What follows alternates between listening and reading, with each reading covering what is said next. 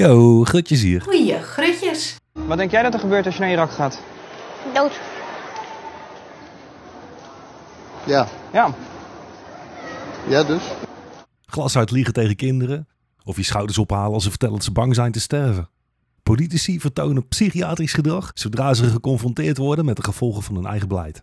Misschien heb je hem gisteren op tv gezien of anders misschien al eerder online. De documentaire Terug naar eigen land van Tim Hofman. Hofman neemt in zijn documentaire Nemmer mee naar het Binnenhof. Nemmer is acht jaar oud en hier geboren. Maar hij wordt samen met zijn ouders teruggestuurd naar Irak, het land waar hij nog nooit van zijn leven geweest is. In Hofmans docu zegt Buma van het CDA tegen dit kind over zijn dreigende deportatie. Als u bijvoorbeeld mij was, dan vindt u het ook niet fijn. Door anderen en niet door mij is bepaald dat het kan. Niet door mij. Ja, dat is door anderen bepaald en niet door mij. Liegen tegen kinderen die je potentieel de dood instuurt. Dat is blijkbaar de nieuwe superieure joods-christelijke cultuur waar Buma het zo vaak over heeft. Want Buma was tijdens de kabinetsformatie heel duidelijk. Het kinderpardon mag absoluut niet verruimd worden. De wet moest van Buma een nepwet blijven en mocht niet werkend gemaakt worden. In heel 2016 werd er slechts één keer een kind toegestaan te blijven op basis van dit kinderpardon. Dat zo blijft komt dus juist door Buma en Rutte, door het CDA en de VVD en de rest van rechts. Ook de VVD wil kosten van de kost voorkomen dat er daadwerkelijk kinderen kunnen blijven. Ze moeten terug naar waar ze vandaan komen, zelfs als ze hier zijn geboren en daar nog nooit van hun leven zijn geweest. Zelfs als dat Irak is, een land waar sinds het Westen met onze steun is binnengevallen, meer dan 1 miljoen doden zijn gevallen. Dat Nemmer bang is om te sterven in Irak is dan ook bepaald geen kinderfantasie. Het is gewoon een reëel en serieus risico. Ook onze eigen overheid waarschuwt. Het ministerie geeft een negatief reisadvies voor heel het land. Klaas Dijkhoff illustreert zijn totale desinteresse voor deze achtjarige jongen zo. Wat denk je dat er met je gaat gebeuren als je naar Irak gaat? Vraagt Tim Hofman aan Nemmer op het moment dat Klaas Dijkhoff van de VVD naast hem staat. Nemmer hoeft niet lang na te denken. Dood. Dood. Na een ongemakkelijke stilte negeert Dijkhoff Nemmer en zegt tegen Tim Hofman... Ja, dus? Klaas Dijkhoff probeert op Twitter nog een beetje aan damage control te doen... door te vertellen dat hij wel graag lief doet tegen kinderen... maar dat hij dat niet kan, omdat hij het eerlijke verhaal wil vertellen... dat hij helemaal niet lief wil doen tegen kinderen. Zijn verhaal bestaat uit niks dan frames en leugens. Zo beweert hij, als mensen vanwege het kinderpardon mogen blijven... ik quote, nemen ze eigenlijk een plek in die aan echte vluchtelingen toebehoort. Ah, oké. Dus hoe zie je dat dan voor je, Klaas? Denk je dat als er een kind mag blijven, dat er dan onmiddellijk een IND'er naar een willekeurige statusouder stapt en zegt: hey, sorry man, je moet eruit, want anders past het ene kind niet? Hij vindt het ook echt unfair tegenover mensen die al wel door de deportatiemachine zijn gehaald. Die kinderen zijn net zo lief, zegt hij. En die wonen ook niet meer in Nederland. En vindt Dijkhoff, als ze hen onterecht hebben uitgezet, dan moeten we natuurlijk iedereen onterecht uitzetten. Ik ben benieuwd waar Klaas zelf onterecht heen gedeporteerd wil worden. Want we kunnen natuurlijk niet hebben dat hij hier de plek inneemt die eigenlijk aan een echte Nederlandse baby toebehoort. Klaas sluit zijn karikatuur van kinderen die buiten het kinderpardon vallen af met de mededeling dat we geen karikaturen van mensen moeten gaan maken. We mogen het best met hem oneens zijn, maar het zou toch beter zijn als we dat niet meer hardop zeggen. Want we moeten niet polariseren. Angst voor polarisatie in de samenleving. Zoals ik vorige keer ook al zei, polarisatie is een prachtig woord. Waarmee je net kunt doen alsof het net zo fout is om kinderen te willen redden als het is om ze te willen deporteren. Zucht. Tijd voor een muziekje.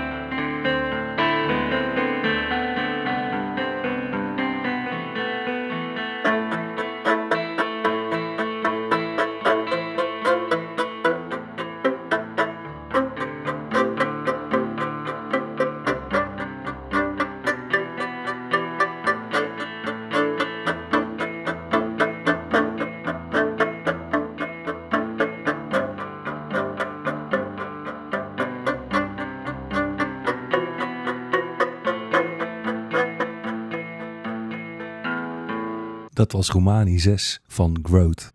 Terug naar het Binnenhof. De meeste andere politici die in Tim Hofmans docu voorkomen zijn eigenlijk al net zo erg. Pechtold vertelt Nemmer op vriendelijke toon dat hij zichzelf beter in de gangkast kan opsluiten op een plek waar de IND hem makkelijk kan vinden. Hij zegt, wat ik kan doen is heel goed met alle mensen die erbij betrokken zijn nadenken en vooral ervoor zorgen dat jij niet het slachtoffer wordt van alle aandacht die sommigen misschien goed bedoeld voor jou vragen. Gelukkig maar. Want zonder zo'n bijzondere actie van D66 om Nemmer weer terug in een donker kastje te duwen en voor ons te verstoppen, zodat hij echt geen enkele kans meer heeft om te blijven, tot de IMD hem komt ophalen en deporteren, zonder dat alles zou natuurlijk slecht met Nemmer aflopen. Hè? Ik vind dit echt niet zo netjes. Ascher heeft het niet meer als Nemmer voor hem staat. De P van de A-top wilde destijds toch al geen kinderpardon, maar werd door haar eigen congres gedwongen om toch nog een beetje voor de fake te kinderpardonnen. Waarna de P van de A-top het verhaaltje samen met de VVD zo ver mogelijk heeft uitgekleed. Wel een kinderpardon, maar dan een onwerkbaar. Ascher liegt in elk geval niet als hij tegen Nemmer zegt: Ik kan het niet beslissen. Dat lukt hem inderdaad al jaren niet. Steeds als hij tegen een echt kinderpardon is, krijgt hij ruzie met zijn achterban. Ja, en dan staat secretaris Harbers. Uh, die is van asiel en die gebruikt de aandacht voor het falende kinderpardon notabene om te bepleiten dat mensen voortaan niet meer normaal zouden moeten kunnen procederen. Heeft hij een commissie voor ingesteld om te kijken hoe we procedures kunnen inkorten, lees voorkomen. Ja, dat lulverhaal hoor je meer. Het zou allemaal aan te lange procedures liggen en aan asielzoekers die misbruik maken van de regelingen. Het is de schuld van de ouders. Oké, nou ik ga je iets verklappen. Als ik tegen je zeg, jij moet dood, dan hoef je dus eigenlijk niet dood. Ik ga het trouwens ook helemaal niet zeggen hoor. Ik wil het ook helemaal niet eens. Maar stel dat ik het toch zou zeggen, zeg maar. Dan hoef je dus nog steeds niet meteen uit te voeren. Om het nog gekker te maken, als een politieagent, de IND of een minister of zelfs een rechter tegen je zegt dat je dood moet, dan hoef je nog steeds niet dood. Dat komt zo. Ze noemen het hier ook een democratie. Daarin gelden wetten. En een van de belangrijkste wetten die zegt simpel gezegd dat je pas hoeft te luisteren als er geen procedure meer mogelijk is. Je mag zoveel procederen als dat de wet maar toestaat. Als je dat dus doet, net zoals de IND trouwens, dan is dat dus geen misbruik. Ga ik nog even een keer zeggen. Speciaal voor Harbers, want die zit achterin en die is vast weer niet aan het opletten. Geen misbruik. Als je over de stoep loopt en dat mag, dan is het toch ook geen misbruik. Dus waarom is procederen het dan wel? Maar omdat Harbertje ons toen blijkbaar nog niet helemaal begrepen heeft, leggen we het nog maar een keer anders uit. Als je gewerkt hebt, je vraagt om loon, dan is dat geen misbruik. Dan is dat oké. Bij procedure is hetzelfde. Dat je er recht op hebt, betekent zeg maar dat je het ook echt mag doen. Echt heus. Rechten heb je niet alleen maar als je ze niet gebruikt.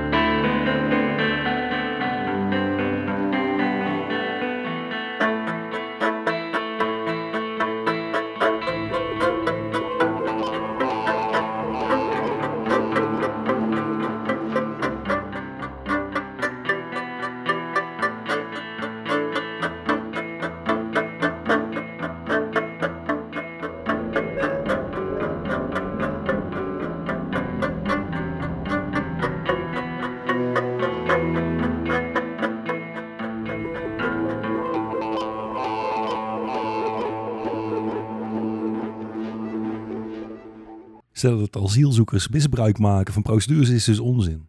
Maar er is wel misbruik. Want wat betreft lange procedures, waar liggen die eigenlijk aan?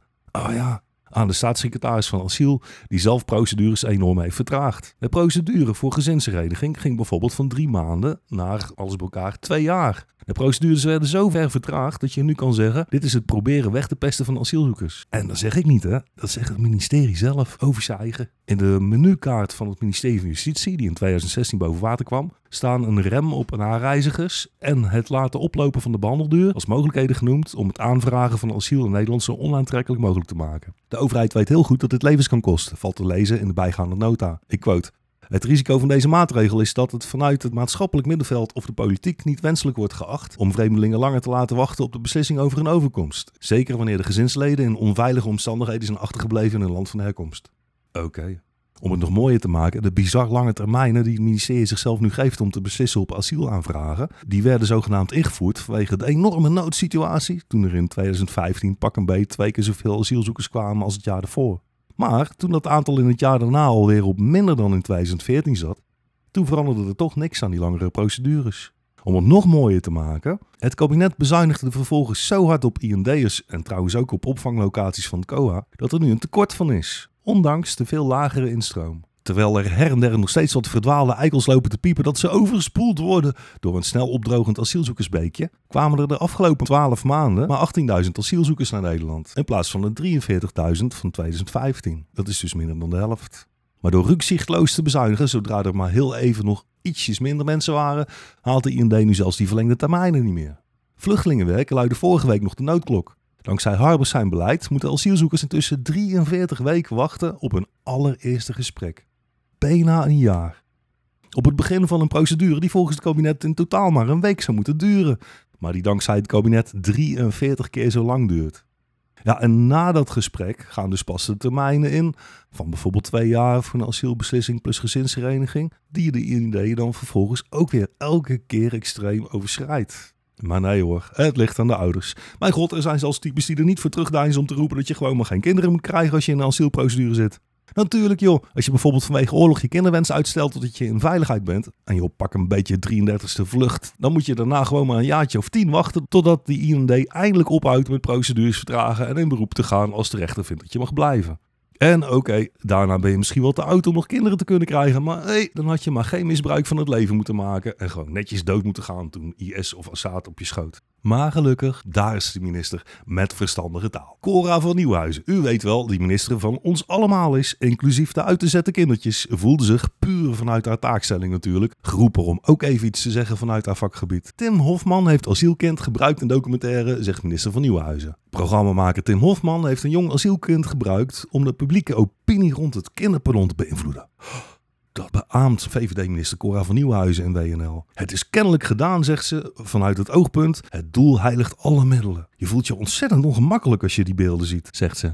Oh ja, um, ze is trouwens minister van Infrastructuur en Waterstaat. Want die deportaties, daar heb je toch een hoop infrastructuur voor nodig. Dat moet je niet onderschatten. En wat weten achtjarige jongetjes daar nou van? En sowieso, mensen die het beleid proberen te beïnvloeden. Huur, terwijl ze niet eens van Shell of Unilever zijn. Schande. In dit land regeren wij over de hoofden van de burgers heen hoor. Kortom, sommige media en gebruikelijke rechtse sneuneuzen, waaronder zelfs een minister, hebben nu kritiek op Hofman omdat hij politici voor het blok zet door minderjarigen in te zetten. Nee, lulletjes. Die politici zetten minderjarigen voor het blok, maar willen de gevolgen van hun beleid letterlijk niet onder ogen komen.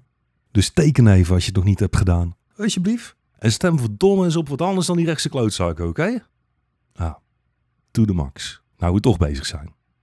Solde over met die grenzen. Doe niet net alsof je meer rechten hebt, omdat je toevallig aan deze kant van een denkbeeldig lijntje uit een baarmoeder gedonderd bent in plaats van daar. We zijn namelijk allemaal mensen en dat moeten we misschien maar eens een keertje niet vergeten. Laten we zo'n jongetje als Nemmer maar eens als voorbeeld nemen. In plaats van politici zoals Dijkhoff en Buma die kinders beliegen en dikke vingernaars opsteken. hey, tot volgende week. Doei! Door anderen en niet door mij is bepaald dat het kan. Niet door mij. Ja. Ja. Ja, dus.